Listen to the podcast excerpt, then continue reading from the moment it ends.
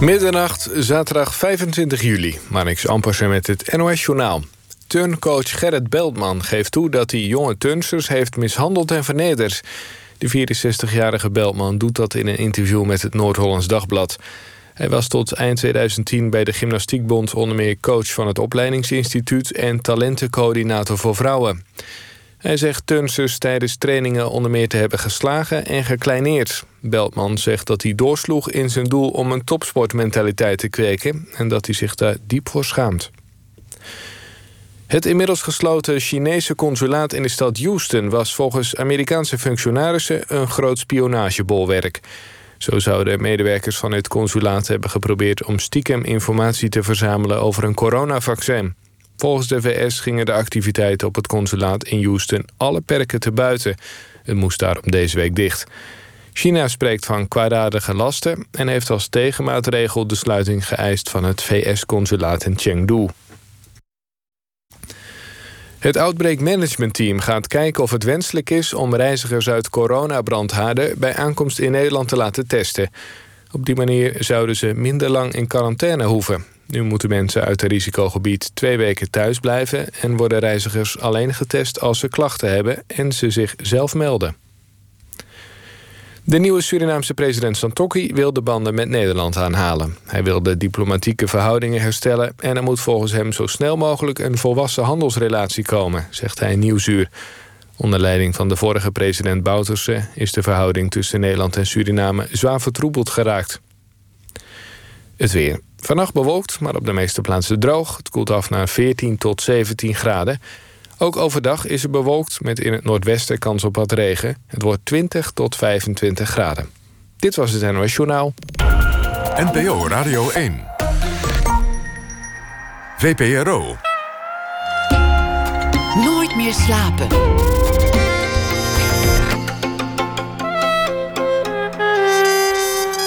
Met Elvie Tromp. Ja, welkom bij Nooit meer slapen, het interviewprogramma waar we niet alleen de diepte van de nacht, maar ook van het gesprek ingaan. En ik zit hier vanavond met Alida Dors, de kerstverse artistiek leider van Theater Rotterdam.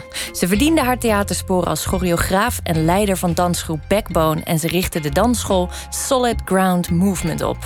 Ze werkte ook als presentator en actrice, maar begon haar artistieke carrière als achtergronddanser van wereldsterren van formaat, zoals rapper P. Diddy en zanger Usher. Welkom, Alida. Hoi, hoi, hoi. Ja, ik, uh, ik ga je allereerst gewoon feliciteren met je nieuwe aanstelling. Dank je wel. Wat fantastisch. dank je wel. Ik denk dat je op het gebied van uh, Stadschouwburgen... een van de jongste artistieke leiders bent in de Nederlandse geschiedenis. Ah, dat vind ik best wel een sexy idee. ja, dat vind ik heel het... stoer. nee, ja, dat zou best kunnen. Is dit ooit een van je dromen geweest? Of is het meer iets dat je denkt: oh, de droom kan ook dit worden? Nou, precies dat laatste. Ik denk dat ik me mm, vooral altijd laat leiden door een soort onderbuikgevoel en uh, een missie die ik, die ik in me heb, die ik voel, waar ik aan wil bijdragen. En dan laat ik me graag verrassen door het leven. Het is niet altijd makkelijk om je te laten verrassen, maar ik laat me wel verrassen door het leven wat het gaat worden. En nee, dus antwoord op je vraag: nee, ik heb nooit gedacht van god, ik moet artistiek leider worden van uh, een, een, een BIES-instelling zo groot als dat, dat het TR is. Maar um, ja, hoe cool is het eigenlijk dat het gebeurd is? Ja, een BIES-instelling is basisinfrastructuur. Ja. Instelling voor de uh, luisteraars. Ja. Um, je hebt natuurlijk ook je eigen gezelschap, uh, Backbone. Ik, uh, ik weet met mijn uh, achtergrond dat je eigen theatergezelschap is toch een beetje je baby. Mm. Um, dat betekent dat die baby nu toch of een beetje op zichzelf wordt gelaten, of achter wordt gelaten, of even ja. op pauze wordt gezet. Ja, dat is nog even een zoektocht. Mm. Um, ik weet wel dat ik 150, 100 of 200 procent eigenlijk voor TR zal kiezen op dit moment. Um, maar inderdaad, Backbone is, bestaat volgend jaar tien jaar.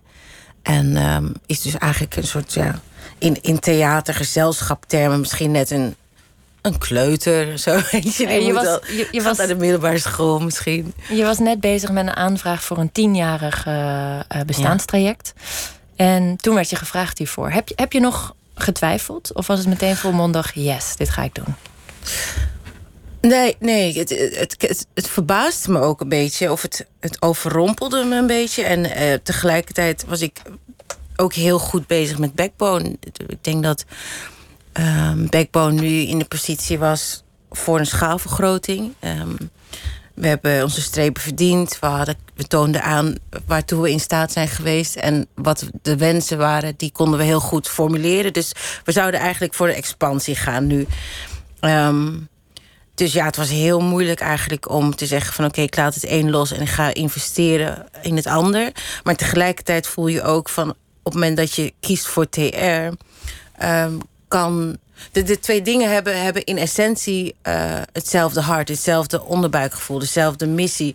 Alleen kan je bij TR misschien net even meer impact maken vanuit een bestaande infrastructuur. En ik heb eigenlijk altijd bij debatten gezegd van als we echt iets willen veranderen aan onze sector, bijvoorbeeld aangaande inclusiviteit, dan zullen we op verschillende lagen in de organisaties en ook in, juist in de grotere organisaties um, moeten zorgen voor die inclusiviteit en die diversiteit. Dus op het moment dat mij die vraag dan gesteld wordt, ja, dan kan je bijna dan kan je bijna niet meer terug. Dan moet je het gewoon mm. doen. Mm. Dus, ja. ja. Ik Put your money where your mouth is, toch? Ja. wat, uh, wat ga je Rotterdam brengen? Ik hoop... Ik ga me inzetten voor een theater wat meer in verbinding staat met de stad. Um, een theater wat meer representatief is voor de verschillende groepen die er in de stad leven. En dat gaat over um, leeftijd, sociaal-economische klasse, gender, culturele achtergrond. Um, ik wil graag meer langdurige en wederkerige relaties. Dus dat het voelt alsof deze, of alsof TR, Theater Rotterdam, ook een plek is waar je mag zijn, ook al wil je misschien niet naar een voorstelling. Maar juist wil je reflecteren of debatteren of um, gezellig kopje koffie doen met je vrienden. Dus het moet veel meer een open plek zijn, een plek van ontmoetingen, verschillende type ontmoetingen met verschillende type mensen. Hmm. Een soort huiskamergevoel. Ja, ja, ja. Huiskamergevoel eh, vind ik misschien iets oudbollig alweer, maar een, een plek waar je actief uh, inzet op ontmoetingen tussen verschillende groepen. Hmm. En dat het gewoon wel warm voelt. En in die zin dus wel een huiskamer. Maar dat het wel een, een plek is waar je je veilig voelt. Om, nou eigenlijk ook veilig voelt om mee te doen aan het publieke debat. En het publieke debat kan zijn dat je heel actief um, in allerlei um, sessies gaat zitten of uh, nagesprekken. Maar het kan ook zijn doordat je daar naar verschillende voorstellingen bent geweest um, in gesprek raakt met andere mensen over de voorstelling. En andere mensen dan je eigen vriendenkring. Dat zou ik heel, heel spannend vinden. Ja, want dat is ook jouw ideaalbeeld hè, met theater. Dat je de mensen of de wereld kan veranderen. Zeker. Ja. ja. Want wat, wat moet er veranderd worden in Nederland? Nou, ik kan zo wel een paar dingen noemen. Maar als je waar beginnen. Je? Nee, maar ik bedoel, met theater, wat, wat, wat denk jij, oké, dit wil ik met theater aanpakken, nu op dit moment?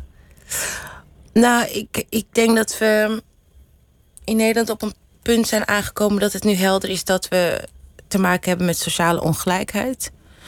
Ehm, dat er machtsstructuren zijn die bepaalde groepen uitsluiten van, van van groei, uh, van, van het gevoel hebben dat ze er mogen zijn. Uh, het gevoel hebben dat ze kunnen bijdragen aan een samenleving. Dus um, dat zijn ook hoofdzakelijk de thema's die mij persoonlijk aanspreken. Ik, ik heb dat doorleefd. Ik, ik kom voort uit, dat, uit die periferie, zeg maar. Um, dus dat zijn zeker dingen die ik ter discussie wil stellen. Maar ja, daarnaast heb je ook, staat onze wereld letterlijk in brand. We hebben genoeg uh, milieu-issues uh, te bespreken. En ook de vraag waar gaat het met de mensheid naartoe. Dus er zijn verschillende hoofdthema's waar we de komende tijd ons zeker uh, over moeten buigen. Maar ik denk dat het goed is om te beginnen bij. Uh, laten mensen zich thuis voelen bij TR. En laat TR het de plek zijn die waar ze trots op zijn. Hmm. Die iets toont wat ook over hen gaat. En dat, daar gaan we ons gewoon de komende tijd heel hard voor inzetten. Ja. Nou, klinkt top. We gaan het er niet te lang over hebben, want dit gesprek gaat over jou. Maar ik ben er toch benieuwd naar. Want je bent, nou ja, in een je wat op zijn minst genoemd kan worden, een onstuimige tijd aan het roer gekomen bij Theater Rotterdam. Voor wie het niet weet of niet helder meer op het netvlies heeft. In 2017 was er een fusie en kwamen daar drie artistiek leiders die grote internationale plannen voor het theater hadden. Um, maar ze haakten één voor één af. Eerst Johan Simons, toen Melle Dame en vorig jaar Ellen Walraven. En nu was jij als theatermaker al verbonden aan de Schouwburg sinds 2015. En sinds 2017 als soort kernmaker. Klopt, ja. Hoe, hoe was dat voor jou, al die jaren van nou ja, onstabiel leiderschap, om dat mee te maken aan de andere kant? Ja.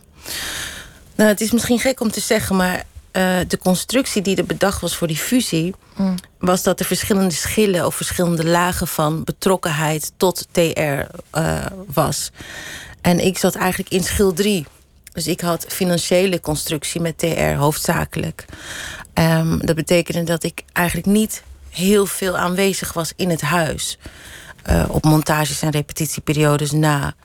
En ook de presentatie of de, de premières.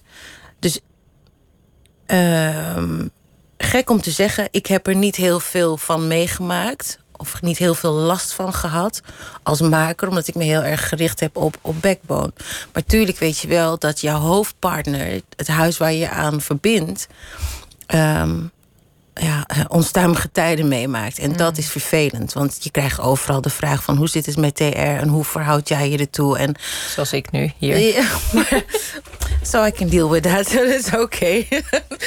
ja, die heb, ik, die heb ik al vaker gehad, maar dat is niet erg. En ik vind het ook terecht, want het gaat natuurlijk ook nog steeds over publieke gelden. Um, nou ja, mensen zijn ook uit op een scoop en op, uh, op de roddels natuurlijk, de dirt. Ja, ja, ja. ja, ja. maar die ga je niet geven, dat zie ik al aan je hoofd. Heel nee, goed, maar ja, goed. je vraagt aan mij hoe, hoe was het voor me? Ik denk dat het. Um, um, vervel het is altijd vervelend. En je ziet ook medemakers die, die gefrustreerd raken omdat ze niet de juiste aandacht krijgen die ze verdienen. De organisatie. Uh, uh, heeft het natuurlijk gewoon zwaar gehad. Ook de medewerkers die hun eigen route moesten vinden. Maar daarbij zeggende denk ik dat dat bijna... als je gewoon een moeilijke fusie hebt... dat je er ook vanuit kan gaan dat die langer duurt dan vier jaar. Dus met mijn komst hoop ik dat ik een nieuwe fase kan inluiden. Ja, ja, want er was een sterke roep uit de andere medemakers... dat ze een artistiek leider wilden vanuit hunzelf, uit hun midden... in plaats van dat er weer iemand ingevlogen werd. Ja. Dus iemand die wist wat er speelde, wat er ging gebeuren... en wat er gaande was. Maar... Het, lijkt me complex. Zoveel mensen, zoveel belangen te dienen en die te verenigen. Hoe, hoe doe je daar eer aan? Ja, ik denk. Um, nou ja, dat, dat zeg, gezegd heb, wil ik dan nog even zeggen van. Het feit dat ik in die derde schil zat, is denk ik ook de reden geweest waarom, waarom ik degene ben geworden die nu als artistiek leider naar voren is geschoven. Want in de afgelopen jaren ben ik niet zo beschadigd geraakt of ben ik niet zo gefrustreerd geraakt. En kan je met een bepaalde frisheid uh, de kansen nog zien van, mm. van, van wat er is. En um, ondertussen heb ik heel veel kennis opgedaan. In de afgelopen 15 tot 20 jaar heb ik natuurlijk verschillende organisaties opgebouwd. En kom ik uit een hip-hop cultuur. En kom ik uit de periferie. En kom ik uit. Heb ik een uh, biculturele achtergrond. En nou ja, ga maar door. Dus, dus die kennis heb ik nu mee kunnen nemen. En ga ik inzetten de komende tijd. Om, om veel meer te zoeken naar een soort. Um, ja, een soort meerstemmigheid binnen TR. Ik denk, want ik geloof namelijk wel heel erg in het idee dat we verschillende makers aan ons committeren in plaats van een makersensemble te zijn of een, uh, een acteursensemble te zijn. Maar dan is de uitdaging inderdaad, hoe zorg je ervoor dat je die meerstemmigheid naast elkaar kan laten bestaan? En wat ik net al zei, volgens mij sluit dat heel goed aan bij het feit dat we verschillende doelgroepen willen bereiken. Dus één maker is, gaat ook nooit verschillende doelgroepen of die breedte kunnen dekken. Niet iedereen hoeft alles te kunnen. Precies. Ja. Dus daarom denk ik dat, dat het een mooie uitdaging gaat zijn en dat het gaat lukken. En je moet veel en goed kunnen vergaderen. Heel iets anders dan een choreografie uh, uh, regisseren. Nou, nee, dat, ik, ik moet zeggen dat daar. Ja. Maar dat, daar zie ik dus ook overeenkomsten in. Of is een gesprek ook een dans? Nou, het is eigenlijk het maakproces. Hmm. Dus het, vanaf. Kijk, ik zie parallellen tussen mezelf uh, als maker in de studio. en mezelf als beleidsmaker of, of, of artistiek leider zijn van, een, van TR. Omdat het begint met het hebben van een idee, van een concept, van een, van een zaadje. En de manier hoe ik werk, dat is dat ik eigenlijk dat ideetje of dat, dat zaadje uh, met eerst een kleine cirkel bespreek. Daar ontstaat een blueprint uit, daarmee ga ik de studio in. Dan deel ik dat met mijn, met mijn performers. Iedereen krijgt de gelegenheid. Dit is hoe je voorstelling maakt? Dit is hoe ik, hoe ik als maker bezig ben. Oké. Ja.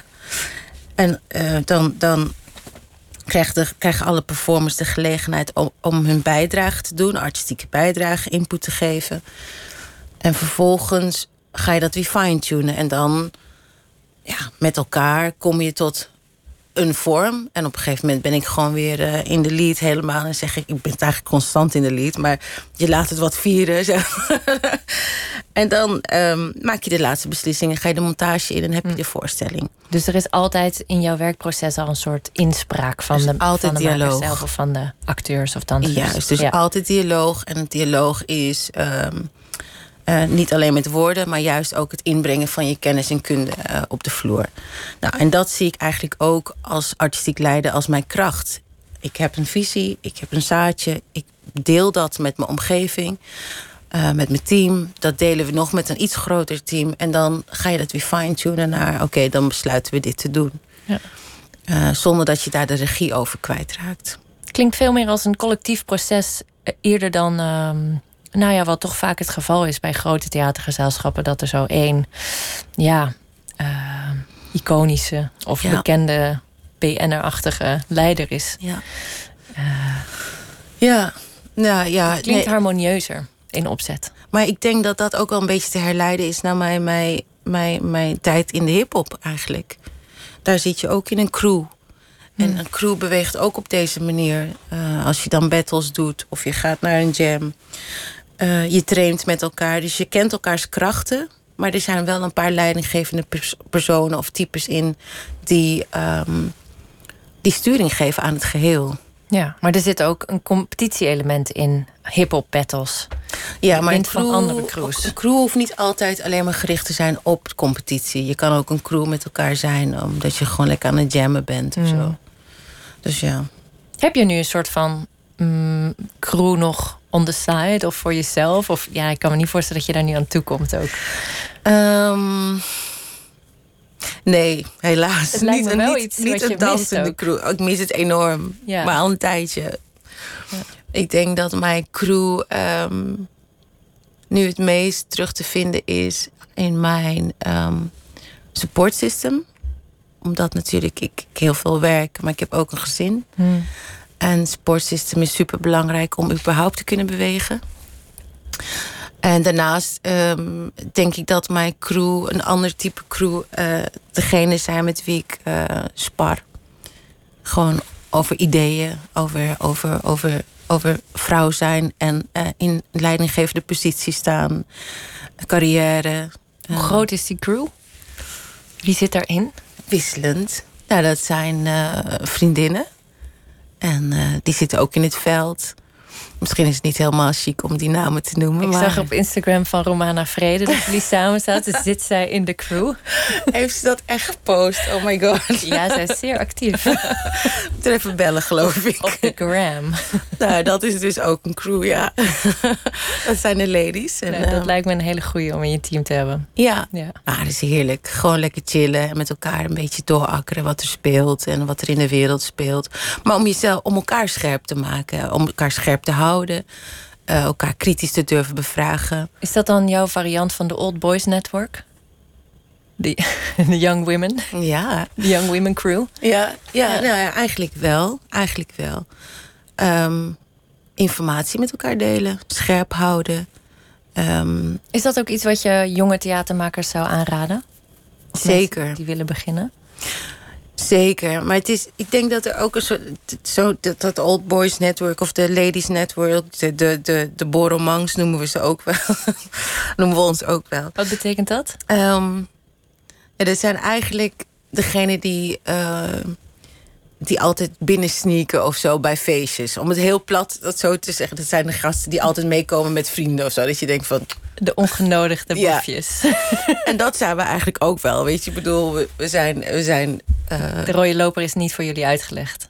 nee, en toch zijn we waar we zijn. Ja. En we doen wat we doen en we zijn trots en, en we zijn sterk en we zijn veerkrachtig en we zijn Loei goed in Ehm, wat je doet. precies. En ehm, we zijn. We willen ons niet meer verontschuldigen voor wat we, wat we aan het doen zijn. We kunnen dit, we zijn er. ehm, we geven kennis door en het liefst ook nog kennis door aan de volgende generatie. Ja. Dus ehm, ja, ik zou, het, ik zou het alle makers, jonge makers zeker gunnen. Ook omdat ik heel erg geloof in eh, intergenerationaliteit. Je moet, je, moet, je moet kennis durven delen. Je moet weten op wiens schouders je staat. Maar je moet ook durven doorcomponeren. Je moet ook durven, oké, te weten van dit is de geschiedenis, dit zijn de tools. En hoe ga ik die gebruiken om ehm, die in te zetten in deze tijd. Voor mijn generatie, voor mezelf. Ehm, en die tools moet je dan ook weer door kunnen geven aan de volgende generatie. Anders stokt de ontwikkeling en daar hebben we geen tijd meer voor. Daar hebben we geen tijd meer voor. Nee, Time is now. time is now. ja, toch? Voel je Ja, het ook mooi. niet? Ja, absoluut. ik, eh, ik denk dat we even een liedje moeten luisteren. Welke gaat het worden? Ehm, laten we Guarding the Gates doen van Lauren Hill. Mooi. Lauren Hill was met haar album The Miseducation of Lauren Hill een grote inspiratiebron voor jou in de Ja. jaren negentig. En daarvoor was ze dat ook al met het hip-hop trio The Fugees. En dit nummer is relatief nieuw en komt uit 2019. Lauren Hill met Guarding the Gates. Dank je.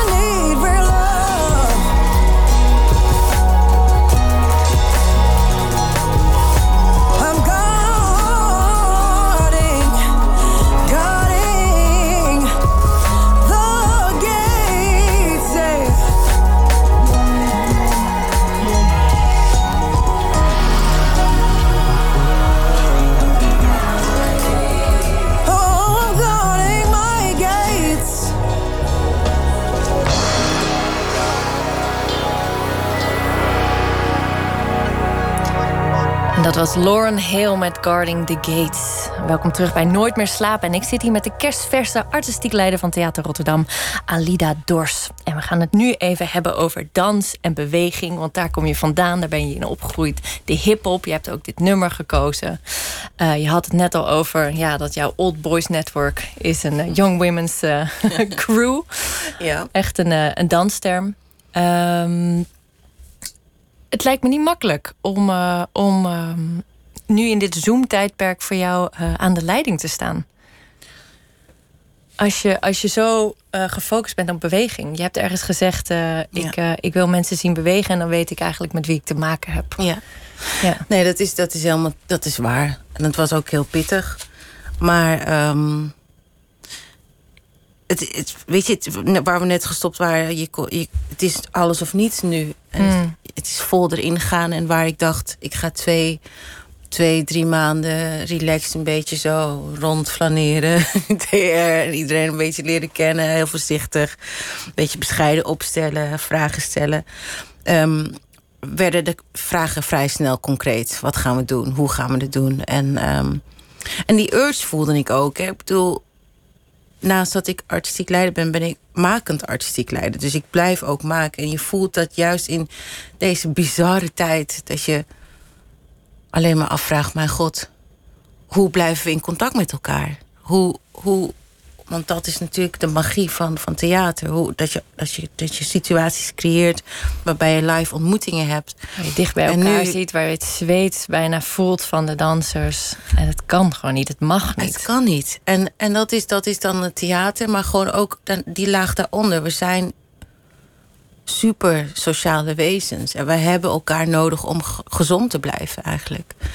Dus dat, dat hart klopte. En ik dacht alleen maar van oké, hoe kunnen we zo snel mogelijk iets verzinnen om ook, maar ook al is het maar iets heel kleins te kunnen doen. En um, nou, dan kom je dus weer terug op dat zaadje. Eh, je formuleert een gedachte. En dat, dat is wel heel mooi aan, uh, aan, aan zo'n instelling hebben nu. Dat er zoveel denkkracht ook gelijk is. En dat je het met elkaar kan oppakken. Dus dat zaadje dat wordt gevoed. En nou, het idee om um, uh, een parcours te gaan doen. Dat je jezelf op een andere manier gaat uh, verhouden tot het gebouw. We moeten ons allemaal opnieuw gaan uitvinden, dacht ik. Ja, we, hoe, we zitten allemaal thuis. Hoe hou je jezelf healthy? Hoe hebben we contact? Um, nou ja, dat, dat, dat, dat idee van hoe, hoe gaan we onze kunstvorm door dit gebouw uh, plaatsen. Dat heeft gelijk vleugels gekregen. Dus in plaats van dat mensen naar een voorstelling in een zaal gaan, worden ja. ze nu door plekken in het gebouw geleid. Ja, ja. ja kijk, in eerste instantie dachten we ook, we moeten nog uh, op andere plekken buiten ons gebouw, omdat we nog niet wisten wanneer we überhaupt weer in onze gebouwen mochten en het publiek mochten ontvangen. Maar tegen die tijd dat we daar waren, konden we ervan uitgaan dat we dus mochten gaan werken in, in de zalen, of tenminste in het gebouw. Maar als je dan kijkt naar de capaciteit. Uh, we hebben een zaal van 900 man. En dan, als we daar die anderhalve meter moesten toepassen. dan kwam je uit op 160 stoelen. Uh, dat hield in voor de kleine zaal volgens mij nog veel minder. Want daar kan je de 250 hebben. En dan kwam je uit op 30 of 40 mm. stoelen. Dat betekent, ja, je hebt een bestaande programmering waarvan je weet, daar moeten we heel voorzichtig mee omgaan, omdat dat allemaal kunstenaars zijn die nu zichzelf ook opnieuw moeten gaan uitvinden. En tegelijkertijd moet je als grote instelling ook richting geven aan de sector. Dus hoe eerder wij helderheid kunnen scheppen van oké, dit is wat wij willen doen en hoe past jouw werk hier het beste in of hoe kunnen we elkaar daarin versterken, um, hoe beter dat voor ons allen. Dus wat bedachten we? We gaan uh, onze eigen makers, we gaan gastmakers, we gaan uh, specifiek ook onze lokale makers vragen om zich om, hun kunstvorm zo door de ruimte heen te plaatsen, door de theaters, op onorthodoxe plekken, op onorthodoxe plekken. Uh, korte presentaties of voorstellingsfragmenten te hebben die in zijn geheel een voorstelling vormen. Waardoor je nadat je de route hebt gevolgd, eigenlijk een track hebt gevolgd, een track door het gebouw hebt gemaakt, je het idee hebt dat je wel een voorstelling hebt gezien, maar op een heel andere manier dan dat je in een zaal zou zitten en anderhalf uur lang eh, naar het podium kijkt. En het is ook een ontzettend spannend gebouw. Ik ben daar ook wel eens backstage geweest. Er zijn, uh, het is een, een, soort industrieel pand met hele hoge Ja, uh, is plafonds uh, en galmende gangen. Ja. Ehm, met schamele verlichting. Eh, dus dat is, lijkt me ook een enorme ja, sensorische ervaring. Een Absoluut. avontuur. Om door dat gebouw op die plekken waar je eigenlijk ja, de, achter, de, de backstory zie je eigenlijk nooit. Ja. Uh, dus dat uh, lijkt me heel spannend. Wanneer, wanneer gaat dat gebeuren? Um, onze openingsweek is 3 september. Hm. Vanaf 3 september gaan we vol tot eind van het jaar dit doen. En naast de parcours of naast de tracks die we hebben, doen we ook uh, programmering die normaal in de kleine zaal staat, in de grote zaal plaatsen. Dus er zijn verschillende programmeringslijnen. Maar dat, voor de details moet je gewoon op een gegeven moment maar naar de website gaan. Maar er zijn verschillende uh, ja, bijzondere ontwikkelingen van hoe wij denken dat we voorstellingen nu gaan presenteren. Ja. Laten we terug naar de dans. Want als ik kijk naar jouw cv, dan denk ik: hoe heeft deze vrouw dit gedaan? Hoe komt een autodidact, uh, de autodidacte danseres uit Amsterdam Bijlmer uh, in de achtergronddansgroep van Usher en P. Diddy? en rond ze nog even een, uh, een opleiding, wat was het, fiscaal, fiscale economie af? Want dat was eigenlijk het plan van je ouders. Je moest ja. helemaal niet gaan dansen. Nee, ik denk dat. Wat doe jij hier? Mocht helemaal niet. Nee. Ja, ik kon het gewoon niet laten. Nee, ik, ik weet niet. Ik heb, altijd, ik heb altijd gedanst. Ik heb altijd gesport. Ik heb altijd um, te veel bewogen, zeg maar. Heb je ook gebokst? Want jouw vader runde een box. Ja. Uh, uh, ja, heel fanatiek getiebokst. Dus dat sporten, dat zit gewoon in mijn lijf. En het, dus ik denk dat dat de basis is geweest. Was er eerst boksen of was er eerst dans? Eerst boksen. Nou, nou, dat zeg ik nu wel. Gaat het uh, maar dit is, dat gaat gelijk op. Want ik denk dat ik dans in die zin dat ik het heel tof vond tegen ben gekomen bij mijn oma in de, in de woonkamer. Door mijn neven en nichten die daar bewogen. En tegelijkertijd, mijn vader had die gym. Dus ik stond eigenlijk ook al vanaf mijn vierde in de sportschool.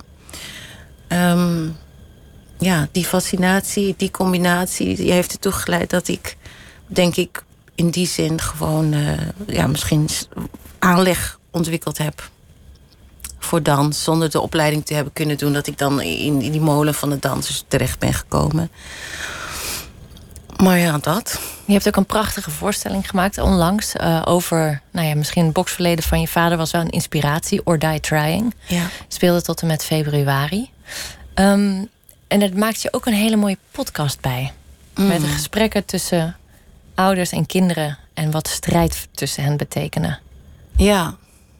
Ja, ja dankjewel, dankjewel. en onder andere een ontwapenend gesprek tussen jou en je vader. Wat, wat, wat was voor jou het belang om dat te maken? Is dat om dat gesprek te voeren wat je via kunst wat je in het echt niet kunt hebben? Of had je dit gesprek al en je dacht, meer mensen moeten dit gesprek hebben?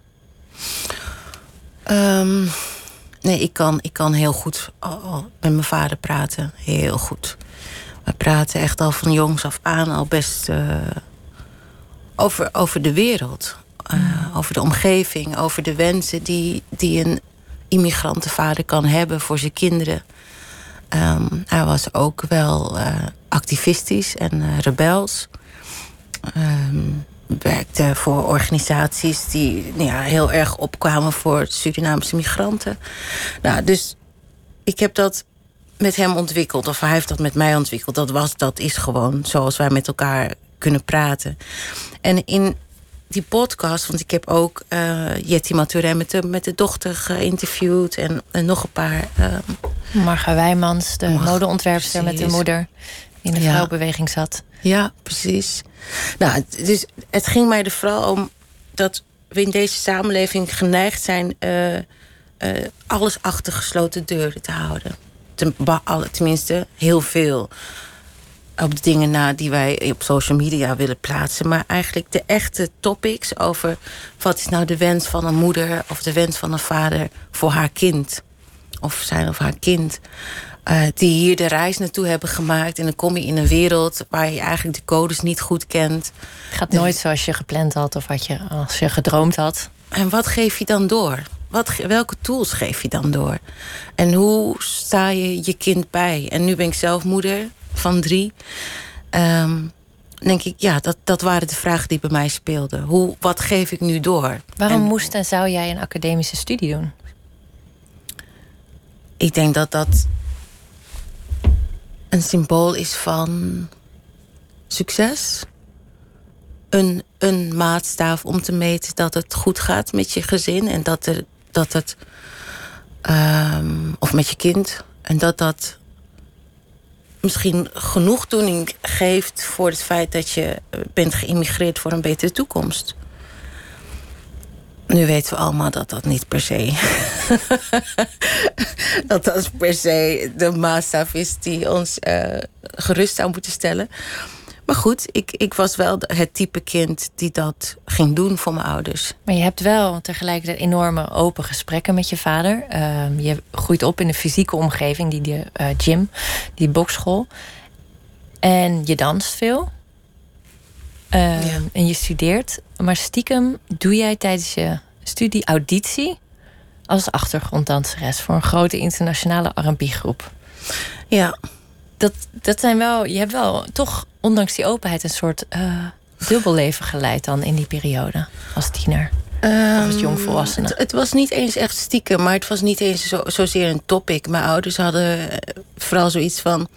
zorg maar dat je overgaat en dat je goede cijfers haalt... en dan krijg je ook best wel de vrijheid die je, die je wilt. Eh, ik kon ook met hun bespreken, want ik ben tijdens mijn studie... ook regelmatig gefrustreerd geweest van... Ja, dan kon je voor een, een, een brand of voor artiesten gaan dansen in het buitenland. Maar ja, dan had je toch ook echt colleges of eh, je tentamen te maken. En dan lieten ze me niet gaan. Dan was het van zorg maar ervoor dat eh, je diploma weet je, binnen is. En dan kan je de wijde wereld in. Want zoals mijn ouders dat dan zeggen, je, je diploma is je man, zeg maar. Dus zelfstandige zwarte vrouw moet natuurlijk een diploma hebben. Nou ja, ehm, dus dat waren, wel, dat waren wel de gesprekken die ook gevoerd werden. We hebben die podcast is. Daar vang je de openheid mee, maar die openheid is natuurlijk wel ontstaan doordat er ook conflicten zijn geweest. Tussen, tussen, tussen, verschillende, tussen beide generaties. Een kind wat andere dingen wil dan, dan wat de ouders willen, die ehm, hun, mm, ja, hun Nederland hebben gevisualiseerd. Of die hun Nederland. eh, nou, hoe zou ik dat zeggen? Die, die op een gegeven moment Nederland zo hebben geframed. dat het misschien voor een kind lastiger is om daar een ander beeld tegenover te stellen. Dat is het eigenlijk. Ja. iedereen heeft zijn eigen visie op het land en wat rijkdom en een Ja. gelukkig leven is. Ja. Ja. Ja, mooi.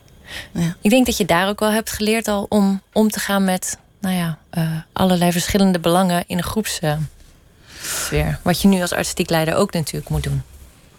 ja, en dat je ook. En daar eh, niet je geduld in moet verliezen, denk ik. Precies, en dat je, dat je zeker wel moet zeggen waar je voor staat.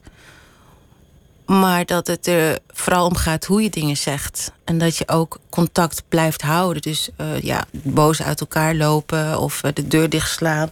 Dat was bij ons niet echt aan de orde. En het, het ging er vooral om dat we er met elkaar doorheen gingen. Je, je moet dat met elkaar blijven bespreken. En dat is misschien wat ik nu dan nu, als ik zo met jou in gesprek ben, heb geconceptualiseerd tot het ding dialoog. Een dialoog is, is iets van langer.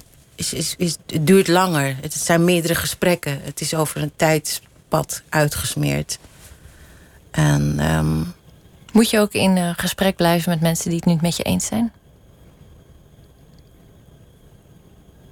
ja, denk het wel. Als, als, als beide partijen eh, denken dat ze ehm, met elkaar iets willen, als ze een relatie willen of een doel voor ogen hebben, dan kan je het heel goed niet met elkaar eens zijn. Maar dan is het juist de kunst om te zoeken naar de verbinding. Wat is het wat ons verbindt? Eh, let's agree to disagree, oké, goed. Maar wat is het dan wel wat we gaan doen? Ja. Nou, ik zit ook, want je bent natuurlijk ook een van de stemmen wel van het Black Lives Matter eh, eh, demonstratie. Ik was er zelf ook. En eh, je bent, het is natuurlijk een, een mooie tijd om nu ook kunst te maken. Eh, er is ook veel te zeggen. Maar ik hoor ook veel ehm, mensen die zeggen: Ik ben er klaar mee, ik hoef het niet meer uit te leggen. We've been protesting. En het wordt nu pas gehoord. Ja, ja, ja. Daarom soort- zei ik net van het duurde te lang. Hè, toen ik verwees naar die, die, die girl crew, zeg maar, van me. Ja. We zijn er en we gaan, het niet meer, we gaan ons niet meer verontschuldigen. Ehm, we, we zijn goed, we, we hebben kennis. en We hebben andere kennis die nu kan bijdragen tot verbinding. Ik denk dat er vele verschillende stemmen nodig zijn... en vers- vele verschillende type strijders nodig zijn... om ehm, tot, tot een soort meer gelijkheid in de wereld te komen. Dus als de een zegt, ik wil er niet meer over praten... go educate yourself, kan ik deels in meekomen. Ik ben heel blij als mensen zichzelf educaten. Maar ik ben meer het type ehm, die toch blijft praten. Zolang ik die energie nog heb. Hmm. Ehm, En zolang het geciviliseerd gevoerd wordt, neem ik aan. ja, ja ik ben niet echt een Facebook-bettelaar. nee, ik ben geen social media king. En, en, en eh, ook niet echt per se een, een, een strijder. Die, ik ben bijvoorbeeld niet naar de protesten geweest. Dat had wel andere redenen. Maar ik geloof in dat ehm, strijd of verbetering of verandering op verschillende levels, in verschillende tempo's, op, door verschillende type mensen gevoerd zal moeten worden. Dus ehm, ja. Daarom, daarom heb je ook ja gezegd misschien. Omdat je zegt, ja, ik, als het me wordt aangeboden... denk ik dat ik het kan. Ik denk Ja. dat ik het type ben wat kan blijven praten, wat kan blijven eh, de dialoog voeren, kan de richting kan geven. Ehm, ook niet bang ben om eh, conflicten aan te gaan. Tijdens de Black Lives Matter eh, protesten was er ook een open brief eh, door heel veel makers ondertekend naar de theatersector. Eh, waarbij vooral de besturende laag werd aangesproken. Ehm, dat zwarte makers vooral als tokens werden ingezet. Ja. Of als subsidievinkjes. Ja. Van nou kijk, we zijn intersectioneel. We zijn multicultureel. Want we hebben één zwarte maker die één keer in het jaar iets mag doen. Ja. ja. Eh, in plaats van dat er daadwerkelijk een vervlechting van cultuur of van interessevelden plaatsvond. Ben je, hoe, hoe, hoe sta jij daar tegenover? Heb jij dat ook zo ervaren? Of zeg je nou, het ligt genuanceerder? Je zit natuurlijk al twintig jaar in het, in het theatervak. Ja. Nee, ik, kom eruit voort. Ik, ik herken het. Ik, ik, ik, kan, eh, ik kan het onderschrijven. Ik zie het. het. Ik zie ook dat de verandering heel langzaam gebeurt. Of dat dat plaatsvindt. Maar ik zie ook dat de verandering plaatsvindt. En daar ben ik ehm, blij mee. Het mag voor mij zeker sneller. Ik denk ook dat eh tokenisme zeker aan de orde is. En dat wij, eh, of dat, dat het bestel, beleidsmakers, subsidiegevers, een betere manier moeten gaan vinden om te toetsen of iets oprecht is of niet. Of beloftes die gemaakt worden, eh, niet alleen maar window dressing zijn op het moment dat er geld uitgekeerd wordt. Ehm, en dat daar dus ook reprimandes voor zijn op het moment dat je niet je beloftes nakomt. Reprimandes, in wat voor, wat voor manier dat er een Ja. bestuur daarop let? Of Nou ja, eh, misschien gewoon geld teruggeven. Als jij zegt dat jij zoveel eh, mensen. eh, dat, je, dat je gaat inzetten voor inclusiviteit. en eh, vier jaar later is er helemaal niks gebeurd. Maar daar heb je wel geld voor gekregen. Want dat is ook een mooie dynamiek die soms zichtbaar is. Dat witte organisaties die een belofte doen om meer inclusief te worden, daar geld voor krijgen. Terwijl organisaties die dat inherent al zijn, daar niet extra geld voor krijgen. Dus dat zijn een beetje scheve methoden of triggers om, om inclusiviteit ehm, te gaan bewerkstelligen. Dus als dat niet zo is, dan moeten we daar ook streng op durven zijn. Als je niet je belofte nakomt. Eh, dat is een van de dingen. Maar jouw vraag was, hoe sta ik erin? Ja, hoe sta je er tegenover? Dus je, je hebt het meegemaakt. Je bent er ook een onderdeel van geweest. Of een, je hebt het zelf meegemaakt. En er moet dus strenger tegen opgetreden worden. Er moet nog heel veel gebeuren. Ja. Er moet nog heel veel gebeuren. En ik denk dat we ook eh, moeten vieren waar het wel gebeurt. Dus er zijn, er zijn Wat vind je een goed voorbeeld in Nederland? ik vind eh, mezelf een goed voorbeeld. Dare I say it, yes. Oké, en na jou? Is er een Nee. andere organisatie die het ook goed doet? Nou, ik moet zeggen dat TR wel een van de weinige organisaties is die het heeft gedurfd. Een artistiek leider van kleur, ehm, een jonge artistiek leider op die positie te zetten. Dus chapeau, chapeau. Ehm, nou, wat ik ook goed vind, is dat ik steeds meer diversiteit zie in commissies. Belangrijke commissies die over de verdeling gaan van gelden. Eh, daar ben ik, ja, dat vind ik een goede ontwikkeling. Ik zie ehm, ook dat een aantal makers en performers meer echte jobs krijgen. In die zin van echte contracten krijgen bij gezelschappen. Nou, en dat zou wat mij betreft ook nog veel sneller kunnen gaan. Want je wilt ook dat er ander type verhalen verteld worden. Maar je wilt ook dat, ehm, dat, dat mensen. eh, echt in een organisatie kunnen wortelen. En dat bedoel ik mee dat ze gewoon goede contracten krijgen en ook zekerheden kunnen opbouwen in plaats van ingevlogen worden voor een enkel project. Mijn god, maar contracten in deze tijd. Ik bedoel, ik zit hier ook op ZZP-basis al Ja. jaren. Dat is een soort magische eenhoorn in elke industrie. Zeker de, de kunst. Ja, maar dat is, precies wat je- je zegt. Is dit een van je dromen voor Theater Rotterdam? Meer vaste contracten? Nee, Is nee, zeker niet. Nee, niet vaste contracten op, dat, op die manier. Maar dat is wat je zegt. Je zegt in deze tijd, maar dit proces is al veel langer gaande. Mhm. Inclusiviteit is niet iets van afgelopen corona. Nee, nee, nee. Sinds Het is echt de eerste al afgelopen- financiële crisis. eh, Dat is echt al eh, twintig jaar aan de hand. En Ja. het, het- dat moet gewoon anders. Ook omdat we willen dat eh, wij de noodzaak met elkaar... Hè, dus, dus Nederland, dit, wat zo divers is als dat het is... de noodzaak gaan blijven voelen van theater. En dat kan je alleen maar doen op het moment dat we verhalen vertellen... die ook eh, reflecteren die, eh, wat er in de wereld speelt. En ook met de mensen. Maar ik hoor je ook een politiek verlangen van jou in. Is dat zo? Als jij zegt, we moeten het systeem veranderen... dat gaat dan ook buiten de sch- schouwburgmuren. Ja, maar ja, ik ben eigenlijk ook eh Kun je- zeer politieke maker. Zou je het je voor, kunnen voorstellen dat je het theater verlaat... voor het grotere van de maatschappij te dienen? Wauw. Ik ben geen carrière tijger. Daar begonnen we mee, toch? Of was dat nog Ja. of, was je dat hebt een keer gezegd, ik heb geen ambitie, maar je bent toch zeer ambitieus gebleken. Of in ieder geval Nee, nee ik zeg niet dat zonder ik, ik ben ambitie. super ambitieus, Ja. geloof ik. Maar ik, ik, ben niet, ik, ben niet, ik ben meer die chick met de mission in plaats van... ehm, Statusjager. ja, precies. Dus ik zou het je niet kunnen zeggen. Op dit moment lijkt het me niet... ehm, Nee, laten we eerst maar eens dit doen. Hè. ja, laten we het TR eens even, even stevig aanpakken. Neerzetten. In de zin van laten we er iets moois van maken. Ja. Nou, tegen je zin heb je dus die fiscale economie afgerond. En toen zei je, dag papa, mama, ik ga dansen. Mhm. Toedeloe. Ik dacht natuurlijk, ga ik, ik ga even een jaartje kijken hoe dat gaat. Hoe Maar oud toen- was je toen? Eh, 21, geloof ik. Ja. Ja. Ik ga een jaartje de wereld eh, bestormen en kijken hoe dat met dat dansen verder loopt. En uiteindelijk eh, ben ik pas tien jaar later aan een vervolgstudie begonnen. ja, want je had een bloeiende danscarrière. En theater, acteren. Je Ja. kwam ook nog op televisie. Ehm, je hebt ook nog reisprogramma's gepresenteerd. ja. ja. en, eh, en toen zei je, ik ga terug de schoolbank in. ja. Wat deed je daar dan toe besluiten? Je ging sociologie studeren.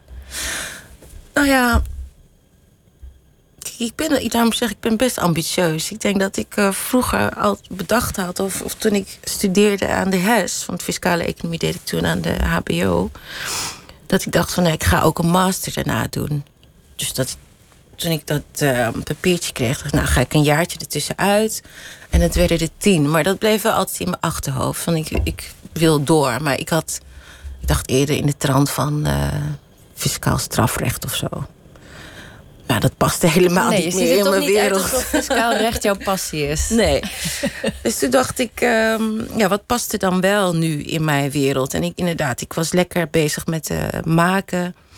eh, en toen dacht ik, nou, sociologie, sociologie geeft mij de kans om door verschillende ehm, perspectieven naar de wereld te kijken. Verschillende theorieën worden er gepresenteerd hoe je de wereld kan duiden.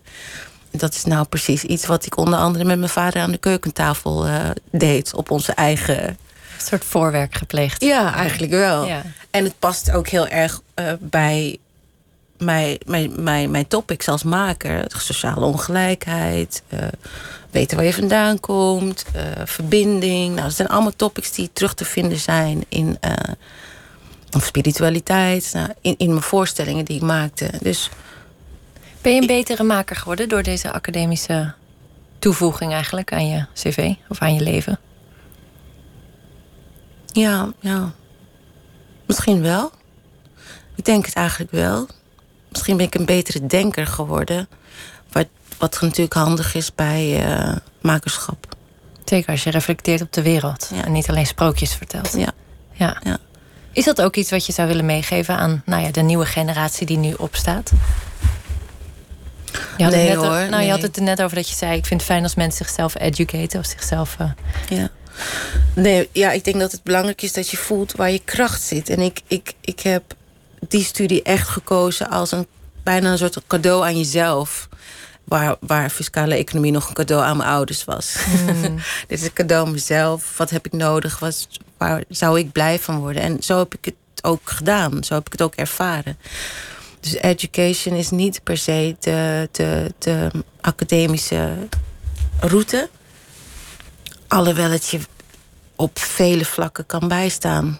Ook gewoon hoe je onderzoek doet of hoe je nou ja, eh, beter leert schrijven. Dus En dat dwingt je ook wel in een soort vertragend denken dat je niet in het dagelijks leven of in een kapitalistische setting van geld verdienen ja. eh, kan doen eigenlijk. Ja, en ook uit leert zoomen inderdaad op de wereld, op het alledaagse. Dus ik, ik, eh, ik zou niet per se zeggen, doe het niet. Maar voel bij jezelf, ga bij jezelf te raden wat educate yourself betekent. Je richtte ook een eigen dansschool op, eh, Solid Ground Movement, where dance meets theater. Ehm, was dat ook een ideologische keuze? Ja, in die tijd dat we dat deden, ehm, was er eigenlijk nog heel weinig. Er waren geen eh, MBO-dansopleidingen. Er was heel weinig ehm hip-hop theater überhaupt te vinden in, in, in Nederland. Was dat ook iets wat jij als, als, als tiener hebt gemist? Absoluut, ja. Een soort En- instap naar de echte of de, de officiële geëikte dansopleidingen. Nou ja, een instap naar die opleiding, maar ook een kennismaking met eh, de theaterwereld op zich. Want ik was niet per se een theaterschool eh typeje of een jeugdtheaterschool typeje. Maar ik hield enorm van dansen. Ik wist helemaal niet dat ik van theater hield. Ehm, Speelde theater überhaupt een rol in je leven? Werd je er, eh, zag je voorstelling als kind? Werd je daar naartoe gebracht? De eerste voorstelling die ik heb gezien eh, was eh The Cotton Club. Of, of Bobbling Brown Sugar. Daar ben ik nog steeds niet uit met mijn vader. Het is The Cotton Club of Bobbling Brown Sugar. Eh, daar bracht hij me naartoe. Toen ik twaalf was. En toen dacht ik wel echt van wow, wat is dit? En het puntje van mijn stoel zat ik de hele tijd. En ik, ik vroeg aan hem alleen maar in de pauze volgens mij van... maar worden die mensen hiervoor betaald? En En een tour zit daar dan de wereld mee over. Er ging echt een wereld voor me open. Ik dacht echt, oh wauw. Als dit, als dit mijn realiteit zou kunnen zijn... ehm, ja, zou ik daar alles voor doen. Maar ik had helemaal geen idee wat, eh, wat daarvoor nodig was. Dat heeft altijd een beetje op de achtergrond gehangen. Maar ik, ik denk dat ik eh, genoeg drama in mezelf heb... om, de, om eh, eh, niet de theaterschool te hebben gedaan. Ik, eh, ik zag ook wel een mooie dubbeling in je vaders box eh, gym en deze dansschool. Eh, hij vertelt in jouw podcast in het interview dat hij heel veel vrienden zag die aan de druk zaten, die veel bloden. En dat hij heel actief ook jongens uit de coffeeshops ging halen van kom bij mij vechten. En toen zei hij, ik heb er honderden uitgetrokken. En ik heb ze niet al honderd kunnen redden, maar wel tien minimaal. Ja, dat heeft Solid Ground ook betekend voor die groep jongeren. Solid Ground is eigenlijk begonnen op het moment dat eh, heel veel jongeren aan mij en aan mijn partner vroegen destijds... eh, waar kunnen we doen wat jullie aan het doen zijn? Ze zagen ons op het podium of met school... werden ze dan naar voorstellingen gebracht waar wij waren. Waar wij optraden. Of eh, kinderen uit de wijk waar we danslessen verzorgden. Dus eigenlijk vanuit die vraag dachten we van... nou ja, dan moeten we het maar gaan, eh, gaan doen. En ik denk dat, dat Solid meer is dan een, een dansschool, omdat nou, het ging daar ook weer over de dialoog. Het ging over het gevoel van samen zijn, eh, elkaar sociale eh, bagage meegeven, verantwoording meegeven. Niet alle kids kwamen uit, uit goede gezinnen. En dat was mooi dat je dan kinderen uit de grachtgordel had, maar ook kinderen uit diep uit de West. En nou, dat, dat, dat zijn mooie ontmoetingen geweest. En dat zijn vriendschappen die, die daar ontstaan zijn, die nog steeds bestaan. Solid Ground Movement bestaat ook nog steeds. Ja. Wordt nog steeds gerund. Geef je daar zelf nog les? Nee, eigenlijk niet. Ik ben, ik ben steeds minder betrokken, maar ik probeer wel ehm, eh, een aantal projecten te begeleiden. Of dat heb ik in het verleden gedaan. Nu met deze TR-keuze wordt dat heel lastig. Maar tot vorig jaar was ik zeker betrokken eh, bij, bij, bij Solid Ground. Ja. Ik, eh, ik ben heel erg benieuwd wat je in de toekomst gaat doen. Alida Dors, we zijn helaas aan het einde van ons eh, interview. Maar zeker niet aan het einde van deze spetterende carrière. En de mooie dingen die jij Nederland gaat brengen. Ehm Dank je wel voor dit gesprek. Jij ook. Fijn dat je er was. Eh, vanaf september kun je dus de routes gaan zien in eh, Theater Rotterdam. Wij gaan met de zomervakantie hier bij Nooit meer slapen. En wij zijn 10 augustus weer terug met een Crime Week. Daarom, waarom zijn we allemaal zo gefascineerd door misdaad? Daar gaan we achter komen. 10 augustus dus. En hierna kunt u luisteren naar Vink, een podcast-recensieprogramma met onder andere Misha Blok en Vincent Bijlo. Dit was Nooit meer slapen. Goedenacht en tot de volgende. Op Radio 1. Het nieuws van alle kanten.